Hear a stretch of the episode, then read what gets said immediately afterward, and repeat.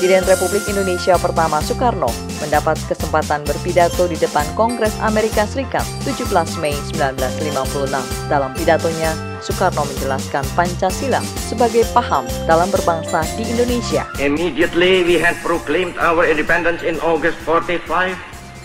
We attached as preamble to our constitution the Pancasila. Panca means five, Sila means principle. The Pancasila, the five guiding principles of our national life.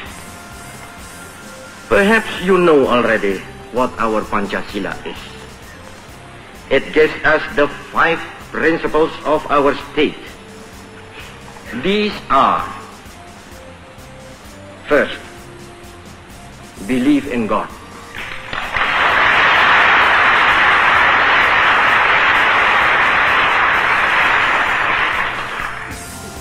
Second, nationalism. Third, third, humanity.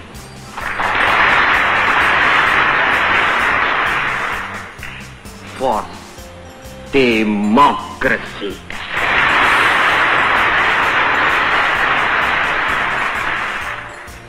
Fifth, social justice.